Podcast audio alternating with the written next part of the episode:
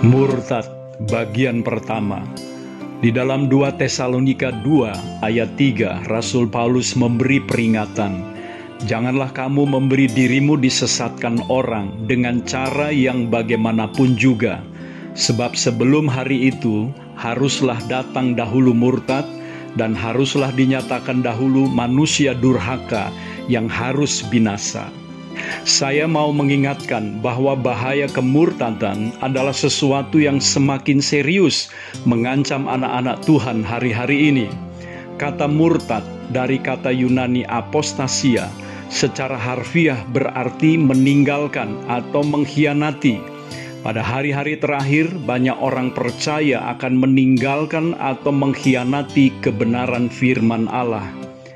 Ada tiga jenis kemurtadan yang akan terjadi pada hari-hari ini. Yang pertama, kemurtadan teologis, di mana orang percaya meninggalkan kebenaran dan mengikuti ajaran setan-setan. 1 Timotius 4 ayat 1 mengatakan, tetapi roh dengan tegas mengatakan bahwa di waktu-waktu kemudian ada orang yang akan murtad lalu mengikuti roh-roh penyesat dan ajaran setan-setan. Hari-hari ini kalau saya buka YouTube, ada satu hal yang cukup sering dibahas dan diviralkan di kalangan orang Kristen, yaitu tentang persembahan persepuluhan. Beberapa pendeta atau orang-orang yang saya tidak tahu latar belakangnya mengajarkan bahwa orang percaya tidak wajib atau tidak perlu lagi mengembalikan persepuluhan milik Tuhan Pengajaran itu disampaikan dan dikomentari dengan cara yang amat merendahkan hamba-hamba Tuhan yang mengajarkan bahwa persepuluhan wajib dikembalikan kepada Tuhan. Akibatnya, banyak orang yang pada dasarnya belum terbuka mata rohaninya dan yang hanya menilai secara manusiawi saja ajaran ini, seperti dikuatkan untuk tidak lagi mengembalikan milik Tuhan. Harus diakui, tidak sedikit pelayan Tuhan yang menyalahgunakan kebenaran ini untuk keuntungan diri mereka sendiri, tetapi bukan berarti kebenaran itu harus ditinggalkan dan tidak dipegang lagi. Kita harus menyikapinya dengan hati-hati. Lain kali, jika Tuhan menghendaki, kita akan bahas ini dalam renungan harian kita. Saudaraku, saya juga melihat di tengah kondisi di mana ibadah dilakukan di rumah-rumah, hal ini bisa memberi peluang bagi jemaat yang khawatir atau yang belum memegang teguh disiplin memberi untuk tidak memberikan persembahan. Semua memang terpulang kepada jemaat, sebab sesuatu yang baik dan suci seperti hal memberikan persembahan kepada Tuhan tidak boleh dilakukan dengan terpaksa.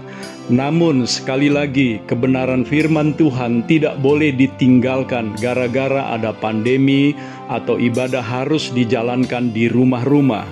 Memberikan persembahan atau harta kita kepada Tuhan adalah bukti otentik dari iman dan hati yang diarahkan kepada Dia. Sebab firman Tuhan sendiri berkata, "Muliakanlah Tuhan dengan hartamu." Jadi, jangan beri diri kita disesatkan dengan cara yang bagaimanapun juga. Hati-hati dengan segala pengajaran yang bisa kita akses secara leluasa di YouTube. Jangan sampai kita murtad atau berkhianat dengan meninggalkan kebenaran yang telah kita terima selama ini. Yang kedua, kemurtadan moral di mana orang Kristen sepertinya masih memegang kebenaran firman Tuhan dan mengajarkan demikian kepada orang lain, tetapi sesungguhnya dia sendiri tidak lagi berpegang kepada patokan firman Tuhan. Bahkan orang-orang percaya sekarang makin toleran terhadap dosa dalam kehidupan mereka. Hidup dalam kesucian tidak lagi menjadi sesuatu yang penting, padahal firman Tuhan berkata, "Kejarlah kekudusan, sebab tanpa kekudusan kita tidak dapat melihat Allah." Yang ketiga, kemurtatan secara teologis dan moral mengakibatkan orang-orang Kristen kelihatannya saja secara lahiriah masih menjalankan ibadah, tetapi kuasa ibadah itu sendiri telah ditinggalkan dan dikhianati. Ibadah mereka tidak menghasilkan perubahan hidup. Mereka tetap mencintai diri sendiri atau egois, menjadi hamba uang dan lebih menuruti hawa nafsu daripada menuruti Allah. Saudaraku, jangan beri diri kita disesatkan dengan cara yang bagaimanapun juga. Sadarlah, iblis ada di balik setiap upaya penyesatan yang membawa orang percaya kepada kemurtadan. Di hari-hari terakhir ini, tidak cukup kita hanya membaca firman Tuhan, kita harus mengenal kitab suci. Kitalah yang harus menyesuaikan hidup kita dengan firman Tuhan, dan bukan firman Tuhan yang disesuaikan dengan selera atau maunya kita. Saudaraku, hari-hari ini kita sedang dimurnikan oleh Tuhan. Sekali lagi, jangan beri diri kita disesatkan, tetapi sebaliknya, beri diri kita kepada Tuhan untuk dibersihkan dan dimurnikan oleh firman-Nya setiap hari. Saya Theo Barahama, Bring Heaven Home. Tuhan Yesus memberkati saudara.